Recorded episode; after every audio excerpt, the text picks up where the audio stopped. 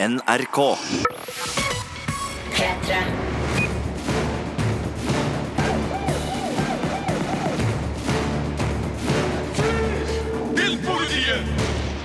Her er vi fra Filmpolitiet med en ny podkast. Og vi er Sigurd Vik. og Birger Vestmo.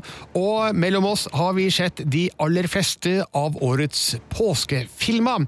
Sigurd, du har sett den mest bibelske av de? Det vil jeg påstå. Maria Magdalena er vel så bibelsk drama som du får bibelsk drama. Men jeg har også sett uh, Grøss og Gru, Birger. Jeg har sett Jeg vet hvem du er, som er islandsk skrekkrim. Mens jeg har sett den amerikanske effektfilmen Pacific Rim Uprising. Jeg har sett den amerikanske effektfilmen Ready Player One. Og så har jeg sett den tyske filmen eh, eh, Vokterskene og den franske aids-filmen 120 slag i minuttet, så jeg har fått litt, eh, litt forskjellig mat, jeg, og altså ikke bare amerikansk effektaction. Det er bra. Og så skal det jo selvfølgelig handle om høytiden i denne podkasten. Vi tar for oss selvfølgelig alle de ferske påskekrimene som kommer nå i påska, i tillegg til at vi har søvnfart strømmetjenestene og funnet fram noen personlige krimfavoritter som vi ønsker å dele med dere, sånn at du skal slippe å sitte og kjede deg hvis du ikke er glad i ski og Kvikk Lunsj, eller den religiøse delen av påska. P3. Vi skal til den filmen som trolig er påskas største premiere, nemlig Steven Spielbergs Ready Player One, som har premiere førstkommende onsdag. Filmpolitiet anmelder film. Who is this Parzival, and how the hell is he winning? Find him. This isn't just a game. I'm talking about actual life and death stuff. The oasis. the world's most important economic resource. It's nothing less than a war for control of the future. Og jeg kan si med en gang at jeg elsker Ready Player One. Fer- Ferdig med det. Ja, for jeg, jeg hører eh, Jump med Fan Halen på soundtracket her. Jeg hører Steven Spielberg eh, nevnt som regissør, og jeg ser eh, på omtalen din, eh, altså anmeldelsen din på nett, at det er stappfullt av kulturelle popreferanser. Altså, det kan jo ikke være en film du ikke liker der, Birger Vestmo. Nei, det kan ikke det, og det er heller ikke det. Jeg elsker Ready Player One. Ferdig med det. altså, Neste film. Det, det bare, men det er jo bare det å sette seg ned i 2018 og se en ny film, enda en ny film fra Steven Spielberg, som i sitt 71. år bare er mer aktiv enn noensinne. Altså De siste åra har vi sett The Post og Bridge of Spice, og nå kommer Ready Player One, og så skal han straks i gang med nye prosjekter, som vi skal snakke om litt senere i dagens sending er så deilig at han fremdeles lager film som aldri før. Og Ready Player One er basert på en eh, veldig populær eh, bok av Ernest Klein som kom i 2011. Med handling satt i en virtuell spillverden, stappfull av, som du sier, Sigurd, referanser til spill, film og musikk, spesielt fra 1980-tallet. Så all som er litt eh, spillnerd og filmnerd, kan geeke skikkelig ut da i Ready Player One eh, på film som i bok. Nå skal jeg si at jeg ikke har lest boka, men eh, filmen den ga meg hakeslepp og bakoversveis opptil flere ganger. og det er da en uh, gjeng gamere i filmen som leter etter tre nøkler som spillskaperen har gjemt et sted i Oasis, som den virtuelle spillverdenen heter. Nå har det gått fem år siden konkurransen starta, og de fleste har gitt opp fordi det finnes ingen nøkler, men så kommer da Parzival, spilt av Ty Sheridan, på sporet av den første nøkkelen. Da får han et skummelt selskap etter seg, IOI, under ledelse av Nolan Sorrento, et herlig skurkenavn der, spilt av Ben Mendelsohn. Fordi hvis man finner alle de nøklene, så får man um, kontrollen over hele spillverdenen, og man får arve spillskaperens formue, som er på en halv milliard dollar. Så klart, her er det the stakes are high, for å si det sånn, og um, det er en utrolig morsom og underholdende film som uh, ligger i vente for de som går og ser. Ready Player One, altså. Jeg merker Det eneste som irriterer meg med det her, er at jeg må vente helt til onsdagen eh, for å få, få se den. eh, Men det høres ut som popkornfaktoren er ganske skyhøy på den her. Ekstrem høy popkornfaktor på det her. Det er en del sekvenser her som er så spinnville at du vil ikke tro det. Der du får da eh, eksempel en heseblesende jaktsekvens eh, i et billøp, der eh, Parcival kjører en DeLorean-bil, kjent fra en viss tidsreisefilm, mens eh, hans eh, makker i filmen eh, som har gamertag Artemis, kjører motorsykkelen fra den japanske tegnefilmklassikeren Akira. Og hvis du ser nøye etter, så får du øye på Batman også. Eh, både Batman og den klassiske Batmobilen fra 1966. Altså, det her er bare et bitte lite fnugg av alle de popkulturelle referansene som gjennomsyrer Ready Player One, og det er så artig å bare sitte og følge med på alt som kommer inn i bildet, både i forkant og i bakgrunnen her, og jeg tror jeg må se filmen minst ti ganger for å få med meg det meste, da. Jeg tror den havner på sånn Blu-ray 4K hjemme i samlinga di ganske sånn umiddelbart etter slippet, kan jeg se for meg. Den kommer til å gjøre det, og eh, som jeg har sagt flere ganger nå, jeg elsker Ready Player One. Den har riktignok noen leie svakheter, spesielt i eh, den gamergruppa som eh, Artemis og Parcival tilhører. De kaller seg High Five, og de andre i den gruppa er ikke så veldig spennende, og du får ikke den her samholdsskildringa som hadde heva filmen opp til det aller øverste nivået. Og alt som skjer utafor spillverdenen, altså i The Real World, som er da året 2045 her, det er heller ikke så interessant som det som skjer inne i Oasis, altså spillverdenen. Så det er ikke en perfekt film, men øh, den er den, den femmeren her, den er utrolig sterk, altså. Så Ready Player One har premiere på onsdag som kommer. Gå og se. Terningkast fem. Filmpolitiet. P3.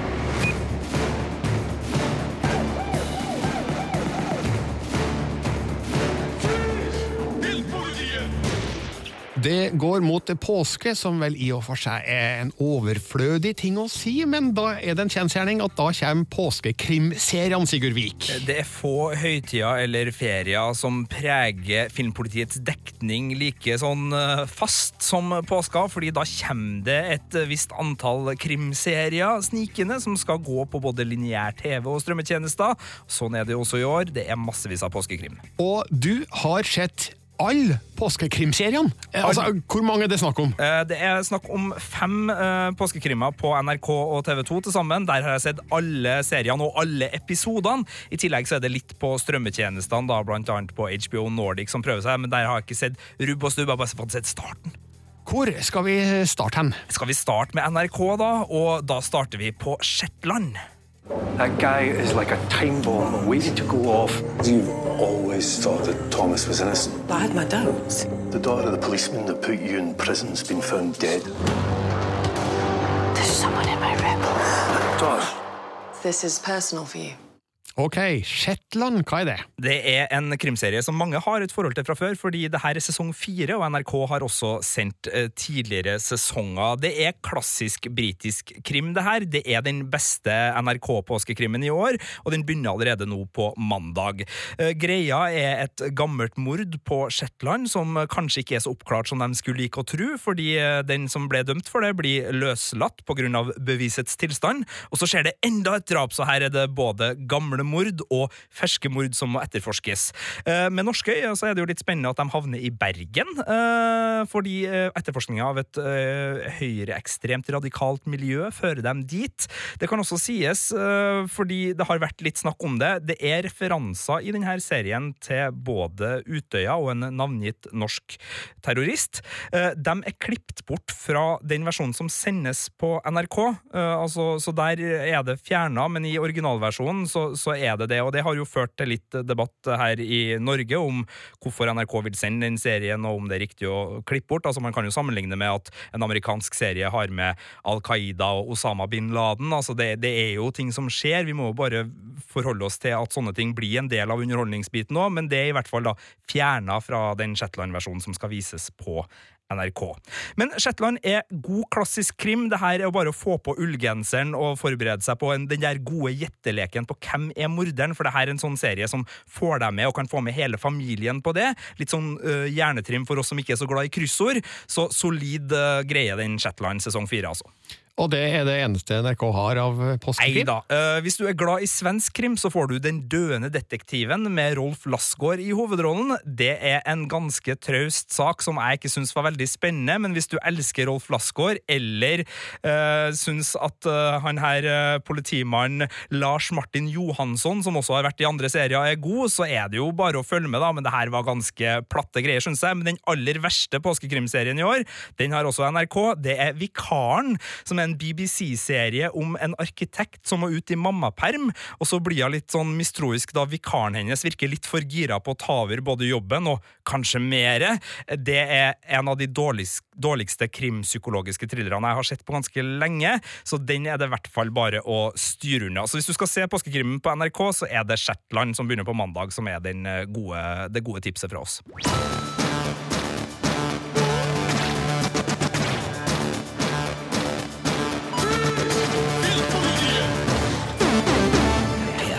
Her i Filmpolitiet med Birger og Sigurd handler det om årets påskekrimserier på TV. Og dem er det du, Sigurd, som har sett, og nå skal vi over til TV2. Og hva er det de har på programmet? De har en serie som har ligget klar allerede på TV2 Sumo en liten stund, men den skal nå vises som påskekrimmen på kall det lineær TV. da, Begynner på mandag, og det er en serie vi har snakka litt om før, som vi er litt glad i, og som heter Top of the Lake China Girl. There's a suitcase washed up. There's black human hair coming from the inside. You're with me. Oh, darling. You want to tell me what you saw? What is it about your cinnamon, mate? Come on, tell us. Cinnamon worked at Silk 41, uh, brothel. My dad and my mum want to meet. Ja, Sjøl om vi har snakka om denne serien før, så må vi ta en recap på hva Top of the Lake China Girl er for noe, Sigurd? Ja, det er da sesong to av Top of the Lake-serien. Første sesongen var jo en gyser fra New Zealand, hvor et, eh, en pedofiliring ble nøsta opp, og det var Elisabeth Moss da i hovedrollen som uh, detektiv der, som, som funka bra. Denne gangen har hun flytta til Sydney, Australia, og med på det stjernelaget som er rollegalleriet her, så finner vi også Nicole Kidman og Gwendolyn Christie. Så det her er stjernetungt, og det er nok en gang en serie som uh, tar for seg områder hvor spesielt da unge kvinner blir lidende. Det er uh, prostitusjon og surrogatmødre som er i fokus her, og et lik som skyldes opp på ei strand som inneholder da en ung asiatisk kvinne. Uh, som sånn ren etterforskningskrim så er ikke her den beste serien, og den heller ikke like god som sesong én, men tematisk i måten den utforsker både kvinnesynet i politiet, kvinnesynet blant eh, de forbryterne vi følger her, som naturlig nok er meget skakkjørt, og også en del rundt det med morsrolle, mors rettigheter, mors muligheter når det gjelder det å få barn eh, på andre måter enn den aller, aller enkleste, så, så er serien knallgod, og så er den jo så velsigna med skuespillere at det er jo bare å slå seg ned og kose seg. Så den beste påskekrimmen i år er Top of the Lake, altså China Girl, som begynner da på TV2 på mandag. Men de har en serie til som heter Innocent. Hva er det for noe? Det er en veldig tradisjonell landsbykrim fra Storbritannia. Det er en ørliten dash Broadchurch, det er en ørliten dash uh, mulig justismord, og det er akkurat en sånn krimserie som er helt grei, og som du kommer til å kose deg litt med hvis du elsker sjangeren, og som du kommer til å glemme ganske fort etterpå når den er ferdig. Uh, det er da en uh, far som kommer ut av fengsel fordi han på en teknikalitet har blitt Uh, umulig å dømme for mordet på sin kone. Og komplikasjonene her det er at hans barn har da blitt oppfostra hos tante og onkel i mellomtida, og hele landsbyen er sikker på at han er morderen, så han må liksom kjempe sosialt da mot alt det her, samtidig som det er en ung etterforsker som Kanskje var det noen andre? Kan Mm. det ha vært noen andre? Eh, Det er en artig gjett morderen-lek, det her òg, som funker. Den er god på liksom hele tida skifte fokus på hvem, vi, hvem serien vil at vi skal tro morderen er, og klarer liksom å holde det der helt til, til the bitter end. Så eh, ikke en serie man kommer til å huske veldig godt, altså, men, men helt grei underholdning. Og den begynner da på, på skjærtorsdag da på, på TV2. Beste på NRK, Shetland. Beste på TV2, Top of the Lake, China Girl. Er det en grei? Det er helt riktig, og begge de begynner på mandag, så da får man starta påska litt tidlig. Takk, Sigurd.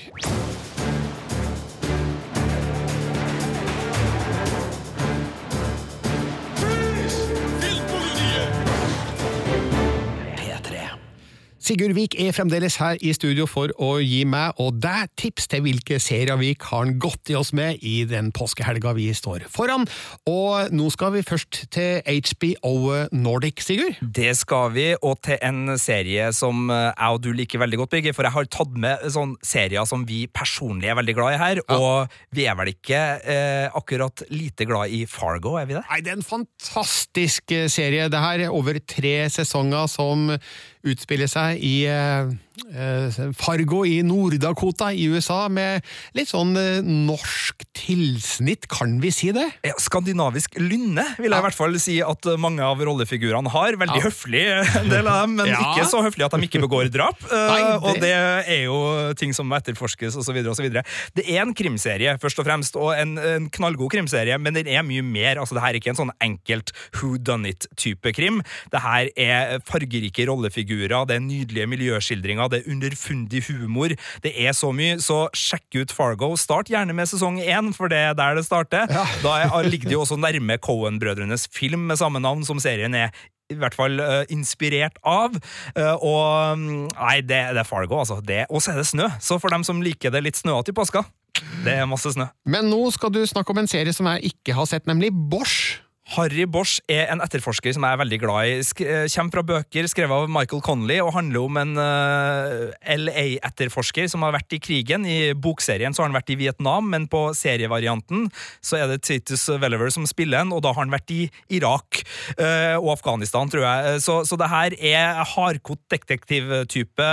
Litt sånn uh, Philip Marlowe-aktig vibb over det hele. Han har lite ord, men harde never, og han er en skikkelig god sånn uh, Finn seriemorderen-type. Det er tre sesonger ute på HBO Nordic med Harry Bosch. Det her er en kombo av mørke Los Angeles-netter, jazz og en skikkelig kul detektiv. HBO har òg Twin Peaks, og har man ikke sett Twin Peaks enda, så fins det jo nesten ingen unnskyldning. Absolutt ikke. Jeg tenker at det er ypperlig anledning både til gjensyn og nysyn med Dale Cooper og gjengen hvis man har tid til det i påska. Og sesong tre, som kom i år, er jo en serie både jeg og du, Birger, kosa oss masse med. TV2 Sumo og NRK har òg sine godbiter som kan nytes. Det har de. De satser jo mye på ferskvare, begge de kanalene når det gjelder lineært, men på strømmetjenestene deres så ligger det litt gull. Jeg vil trekke fram The Night Manager fra TV2 Sumo. Det var påskekrimmen deres for to år siden. Har Hugh Laurie og Hiddles, Tom Hiddleston i, i hovedrollene. Regissert av danske Susanne Bier, øh, og er øh, da basert på en bok av John Le Carr. Så ingrediensene her god, resultatet flott. Det her er litt sånn Bond-aktig spionkrim som foregår på den internasjonale arena. Har også en Broadchurch-skuespiller som skal inn i The Crown uh, snart, i, med seg på laget, så, så tipp topp greie der på TV2 Sumo. Men så må vi jo trekke fram fra NRK sin nett-TV eh, spionserien over alle spionserier om dagen, Le Byrå. Du har kommet lenger enn meg, Birger. Jeg har bare sett sesong én eh, ordentlig. Du har, hvordan vil du beskrive den serien? Ja, nei, det er en, det er en veldig interessant spionserie som ligger i det litt mer realistiske lende enn James Bond og, Jason Bourne gjør. Altså, det her er kontorrotta som driver sin etterforskning og sin etterretning med datamaskiner og overvåkningsutstyr, og det, helt tatt, det, er ikke så veldig mye action i serien, selv om det finnes enkelte innslag av det òg, men her går man stille og rolig til verks for å og beskriver hvordan fransk etterretning eh, kanskje fungerer i virkeligheten. Virker i hvert fall veldig troverdig, og selv om serien starter litt rolig, så blir man etter hvert sugd inn i eh, historien, og man blir skikkelig godt kjent med figurene, og man får et sånt personlig forhold til de, som eh, de beste seriene greier å skape. Så nå har jeg bare tre episoder igjen av sesong tre av Le Bureau, og håper virkelig at det kommer en sesong fire. you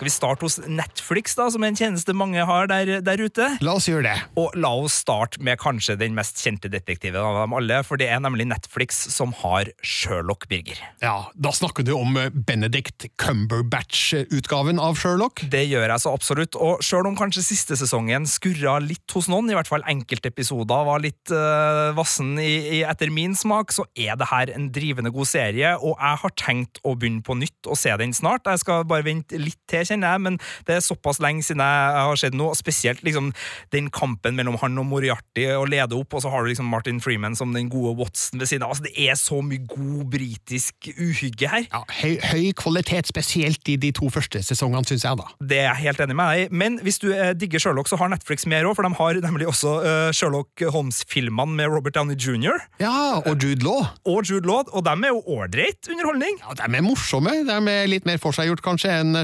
Sherlock-serien til Benedict Cumberbatch. Litt mer action og litt mer period drama. Det er det absolutt. Og så har de også uh, en variant som heter Elementary, som er en amerikansk serieversjon av uh, uh, Sherlock Holmes lagt til New York. Den er ikke like god som verken filmene eller serien, men hvis du digger Sherlock, herlighet, Netflix har alt du trenger.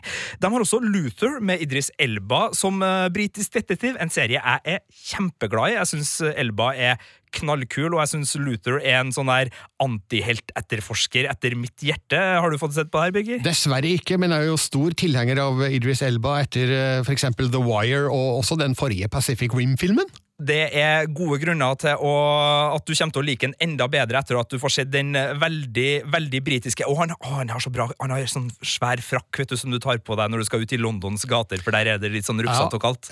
Og det er så mye å like med, med, Luther, og ikke så veldig ulik uh, Sherlock i måten han også bruker de små grå på å, å nøste opp i det her. Og så er det siste Netflix-tipset en uh, dansk serie i amerikansk drakt. Uh, The Killing er da den amerikanske versjonen av nordisk noir-kjempe kampen Forbrytelsen. En virkelig uh, fin, fin og mørk serie lagt til Seattle med Joel Kinnerman, altså kjent fra annet House of Cards og en del andre. Og så prøver jeg å si det her riktig nå, men Miriel Enos er da den kvinnelige hovedrolleinnehaveren her, som spiller detektiv. Det her er ganske sånn morbid, ganske skittent, ganske mørkt, men også veldig, veldig bra. Og basert på dansk serie, og da skal vi kjapt innom skandinavisk krim, for det har Viaplay en del av? Det har Viaplay så utrolig, utrolig mye av, Birger. De har samla nesten alt som er av skandinavisk krim på sine strømmetjenester. Der finner du av norske ting Frikjent og Okkupert og Elven, blant annet. Og så har du svenske serier som Svartsjøen, Johan Falk, Fjellbakkmorderen, og så har du da danske som Den som dreper og Advokaten. Så hvis du liker skandinavisk skandinavisk, så har Viaplay menyen klar hele påska.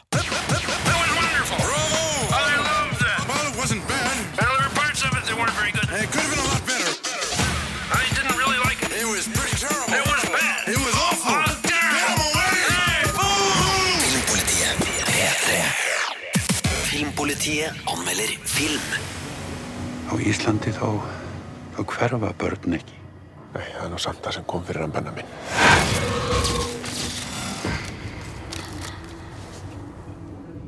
Stundu þegar ég reyna að sjá hann fyrir mér, sé bara þessa plár. Ja, de her lydene hørtes jo skumle ut, Sigurd. Jeg vet hvem du er. Hva slags film er det? Det er en filmatisering av ei bok fra den islandske krimdronninga Irsa Sigurdardottir, hvis jeg uttalte eh, det riktig, eh, og er da en blanding av eh, krim og, og skrekk. Og skal være skummel, som vi har hørt og du påpekte her, men dessverre så er den ikke det. Nei, kjipt! Nei, ja, det var, her var litt kjipt. Det her var egentlig ganske sånn kjedelig film å se, fordi at den fungerer verken som krim eller som skrekkfilm. Altså, Krimplottet da er at et selvmord der en 70 år gammel kvinne finnes hengt, men med en kropp skamfert av religiøse symboler som er skjært inn i ryggen på, uh, det har tilknytning til en forsvinningssak 60 år gammel på den islandske landsbygda. Og så er det en lege da som har mista sin sønn, som skal begynne å etterforske det her sammen med det lokale politiet. Uh, den forsvunne sønnen ser han i noen syner, eller han ser i hvert fall en ung gutt i noen syner som virker å hjelpe ham i denne etterforskninga. Eh, Så det er den ene biten. Og så er det tre ungdommer som har flytta til det samfunnet hvor denne dama som har tatt selvmordet, kommer ifra. Og de oppdager også mystiske ting rundt omkring der de prøver å pusse opp et gammelt hus for å bo der.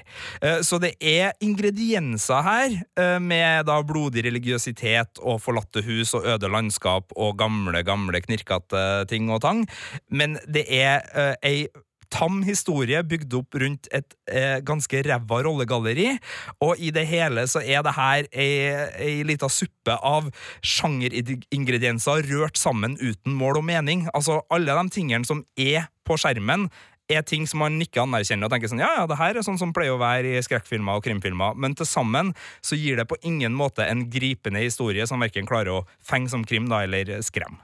På en eller annen sjuk måte så ble jeg litt glad nå, fordi det kommer så utrolig mye bra film fra Island. Eh, De siste åra har vi jo sett eh, massevis av gode dramafilmer og serier fra Sagaøya, så nesten litt ålreit at eh, det kommer noe som er bare sånn passe bra, eller middels bra, eller rett og slett litt dårlig. Ja, og jeg er litt ekstra skuffa, for at regissøren her er Oskar Thor Akselsson. Han er aktuell også med en serie som kom for noen uker siden, som heter Stella Blomkvist, som er en litt sånn der eh, artig, tullete vri på advokatkrimsjangeren, med sånn neonfarger og masse filmreferanser, litt sånn Twin Peaks-aktig greie.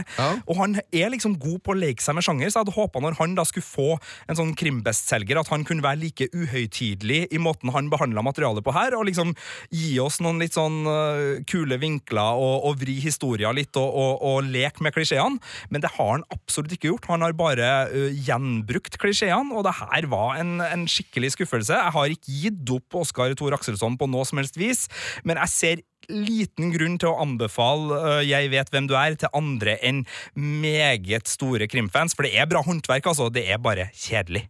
Terningkast tre. Filmpolitiet. Filmpolitiet anmelder film. Nous vivons cela comme une guerre. Une guerre invisible aux yeux des autres. Pourtant, nos amis meurent. Et nous ne voulons pas mourir. Nous nous battons contre ceux pour qui l'épidémie est une aubaine car elle tue depuis plus de 10 ans dans l'indifférence générale. Je vais résumer la situation. Melton Farm a décidé d'orchestrer une pénurie de traitements afin de faire parler de sa nouvelle molécule. Et d'amplifier l'effet d'annonce. On va augmenter la pression et on obtiendra de toute façon les médicaments pour les gens qui en ont besoin. Ensemble, nous pouvons unir nos forces pour résister à l'épidémie. 120 slag i minuttet er en fransk film, og jeg tenker at tittelen kan eh, henspeile både på eh, en sånn velbrukt eh, hastighet i dancemusikk, altså 120 takter i minuttet. BPM? Og, BPM, ja. Beats per minute, Det er det den heter på engelsk også, denne filmen. Og så kan det jo være en indikasjon på at hovedpersonene lever et liv som går litt kjappere enn hos de fleste, for her handler det om hiv og aids, og det er Paris på starten av 1990-tallet, der vi følger en gruppe aktivister i organisasjonen ACT UP, som kjemper for å bli hørt av myndigheter, og de kjemper mot legemiddelindustrien, som de mener holder tilbake viktige funn for å profitere på dem, og det har de ikke tid til, for mange av disse figurene er hiv-smitta og kan bli aids-sjuke, eller er det allerede, og det står rett og slett om livet. Dette er basert på en virkelig eh, aktivistgruppe, og det er et kjempebra drama som eh, regissør Robin Campillo har både koskrevet og regissert. Jeg liker veldig godt måten filmen introduserer oss for de her eh, unge menneskene i Paris på starten av 90-tallet. Vi blir med inn i aktivistgruppa, vi får bli med på interne diskusjoner, vi får bli med inn i ganske ville demonstrasjoner der de tar i bruk sterke virkemidler for å bli hørt, og etter hvert så utvikler filmen seg til å bli en uh, sterk kjærlighetsfilm, uh, der vi blir kjent med Shan, spilt av Noel Perez Biscayar, tror jeg det uttales, og Nathan, spilt av Arnaud Valois, tror jeg det uttales. Og um, de finner da sammen gjennom aktivismen, og så tar uh, forholdet en uh, trist og lei vending når en av dem blir stadig sjukere. Så 120 slag i minuttet er en film som er full av livslyst og livsglede, men der vi også får stift bekjentskap med folk som blir alvorlig sjuke. Ja. Jeg er jo ingen tidligere aktivist, men jeg er jo gammel punker i, i sjela, og spesielt den her profitten som medisinske selskap kan tjene, er jo sånn som jeg merker får piggene mine til å gå ut. Hvordan er en sånn? Altså, Er den en hyggelig film for medisinindustrien å se? Nei, altså, det, det er jo ikke det, da, for vi får jo stift bekjentskap med et fiktivt legemiddelfirma her som i og for seg går demonstrantene i møte på en forholdsvis nøktern måte, men de har nok ikke helt forståelsen for hva disse demonstrantene egentlig kjemper for. De, de, greier nok ikke å sette seg helt inn i deres situasjon, og vi ser hvordan de møter demonstrantene med en veldig skeptisk holdning, men de blir ikke fremstilt som onde profitører. Det er en ganske realistisk drevet film, det her, så, men, så man forstår på en måte hvorfor legemiddelindustrifolka eh, møter demonstrantene på den måten de gjør, samtidig som filmen selvfølgelig gir oss full forståelse for hvorfor eh, de unge menneskene demonstrerer, og hvorfor de tar i bruk ganske radikale metoder for å nå frem da med sitt budskap. Så 120 slag i minuttet, sterkt og rørende aids-drama som man absolutt bør gi en mulighet på kino. Terningkast fem. Filmpolitiet. Filmpolitiet anmelder film. God made you to be a mother. I'm not made for that life. Then what are you made for? She will do God's will. Why shouldn't she follow him? People will judge us. We want the people to rise up. I didn't know we were to be soldiers. Is that what it feels like to be one with God?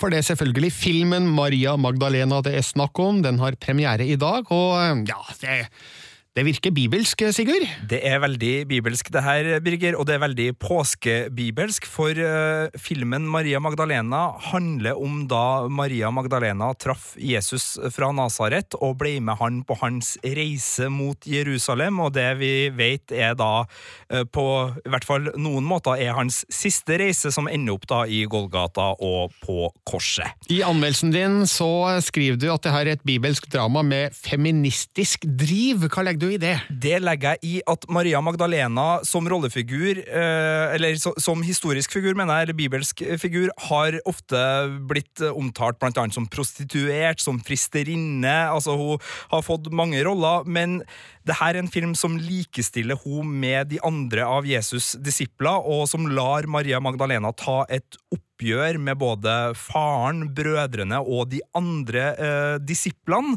altså blant annet da Peter, eh, for hvordan de tenker på kvinners rolle i samfunnet, og hva de mener en kvinne skal få lov til å gjøre. Så det er et todelt feministisk prosjekt eh, som eh, regissør eh, Garth, og, Garth Davis. Takk, Lion og Top of the Lake på hans CV. Det, det er et todelt prosjekt han holder på med her. Han tar da et oppgjør med den tradisjonelle framstillinga av Maria Magdalena som figur, og gir et mye mer nyansert og, og skal vi si, uh, hyggelig bilde av henne. Og i tillegg da så er Rooney Mara i rollen som Maria Magdalena også veldig god på å vise fram uh, en uredd og ganske opprørsk uh, kvinne som må slåss mot ganske mye da av kvinneundertrykkende tankegods i sin samtid. Hvordan er Joaquin Phoenix som Jesus? Jeg kan bare se for meg at uh, han spiller en litt mørkere Jesus, kanskje, enn vi har sett tidligere? Ja, han er filmens svakeste kort, på sett og vis. Han er, se for deg uh, om Jim Morrison skulle ha spilt Jesus. Altså, Han er som en litt sånn utsvevende Ikke utsvevende, han er som en svevende, religiøs, lett rusa kultleder som bare sitter og filosoferer lett og er litt sånn inderlig og litt rar og vag og trenger litt lange pauser. og Nei, Joaquin Phoenix er ikke det riktige valget. Altså, Han er en god skuespiller, for all del, men han er ikke det riktige valget for Jesus. Det her er heldigvis ikke en film som handler så veldig mye om Jesus, sjøl om det er den historien vi, vi kjenner godt. Det er en film som tar vare på hovedpersonen sin, som er Maria Magdalena, og Rooney Mara er eh, veldig god, så, så den funker godt der. Men det er klart, det her er en film for de som er spesielt interessert i bibelhistorie, og det er en film som er såpass øh, krevende både på, på lydsida og bildesida og tar seg veldig god tid med en del stemningsfulle deler av filmspråket. Så den er ikke for alle, men hvis du øh, har lyst til å se en øh, Maria Magdalena som får en slags øh, oppreisning på kinolerretet, eller er veldig opptatt av bibelhistorie, så er det jo påskas storfilm i så måte. Terningkast fire. Filmpolitiet. Filmpolitiet anmelder film. How'd they get into our world? Someone let them in. Someone from our world. Who is that? Definitely not one of ours. Let's do this.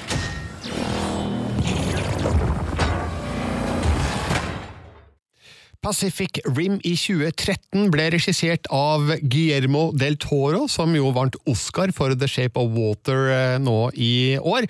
Han har ikke regien på Pacific Rim Uprising, eh, Sigurd. Nei, men altså Pacific Rim, den første filmen, det var jo litt sånn der next level shit med tanke på svære ting som slåss mot hverandre. Altså en kul verden hvor virkelig man fikk øh, valuta for actionpenger. Jeg regner med at det fremdeles er greia her? Til de grader. Altså, man kan ikke klage over effektnivået i Pacific Rim Uprising, for det er betydelig. Nå syns jeg kanskje at regissør Steven S. The Night mangler den visualiteten som Guillermo del Toro har. Altså, de fleste actionscenene pågår i dagslys, for eksempel, så det er veldig rent og pent. Du har veldig god utsikt til alt som skjer, mens Guillermo del Toro leker seg litt mer i mørke og neonlys. Så kanskje har han ikke helt det uttrykket som del Toro gjør så godt men Pacific Rim Uprising er like fullt en veldig morsom underholdningsfilm med store roboter i kamp mot slimete monstre, og hva mer trenger du egentlig da? Nei, ikke så mye, men altså, de har vel et slags manus her. Hva, hva er hovedstoryen denne gangen? Ja, altså, Hvis man husker den første Pacific Rim, så kom det da svære monstre kalt kaijuer opp fra dypet i Stillehavet gjennom eh, portaler til en annen dimensjon. Ja, akkurat den sånn type film. Um, og storyen i Pacific Rim Uprising er at uh, det kommer flere, og de må uh, slås tilbake. Ah, supert. Jeg ser jo at det jeg antar er hovedrolleinnehaveren her, er John Boyega, kjent fra da Star Wars The Force Awakens og Star Wars The Last Jedi. En rising star som jeg har trua på, for han, han virker veldig karismatisk. Hvordan funker han som actionmann i, i lead role? Veldig bra. Altså, han gjør jo hele filmen mye bedre, og tilfører den et humoristisk tilsnitt som jeg mener at den første filmen egentlig mangla, fordi hovedfiguren der var jo Charlie Hunnam, som er en grei actionhelt, men han er ikke noe stor komiker, akkurat.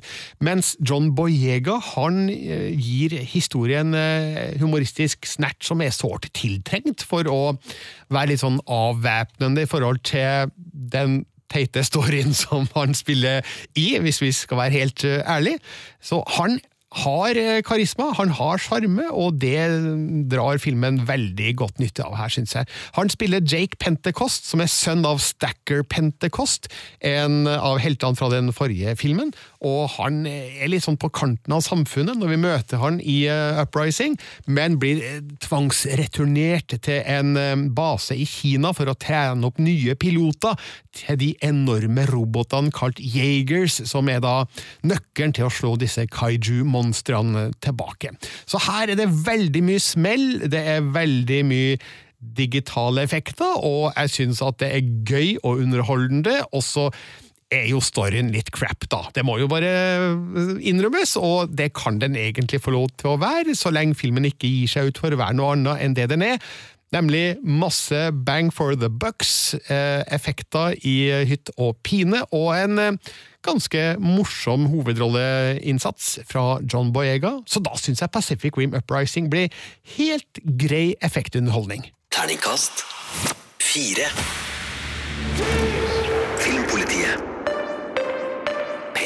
Og med det er denne podkasten fra Filmpolitiet over. Jeg heter Birger Vestmo, du heter Sigurd Vik. Og vi er tilbake om to uker med ny podkast, for vi tar en liten podkastferie i påskeuka, men vi kommer sterkt tilbake. Så absolutt. Og eh, skal vi si god påske, da, Birger? Vi sier god påske!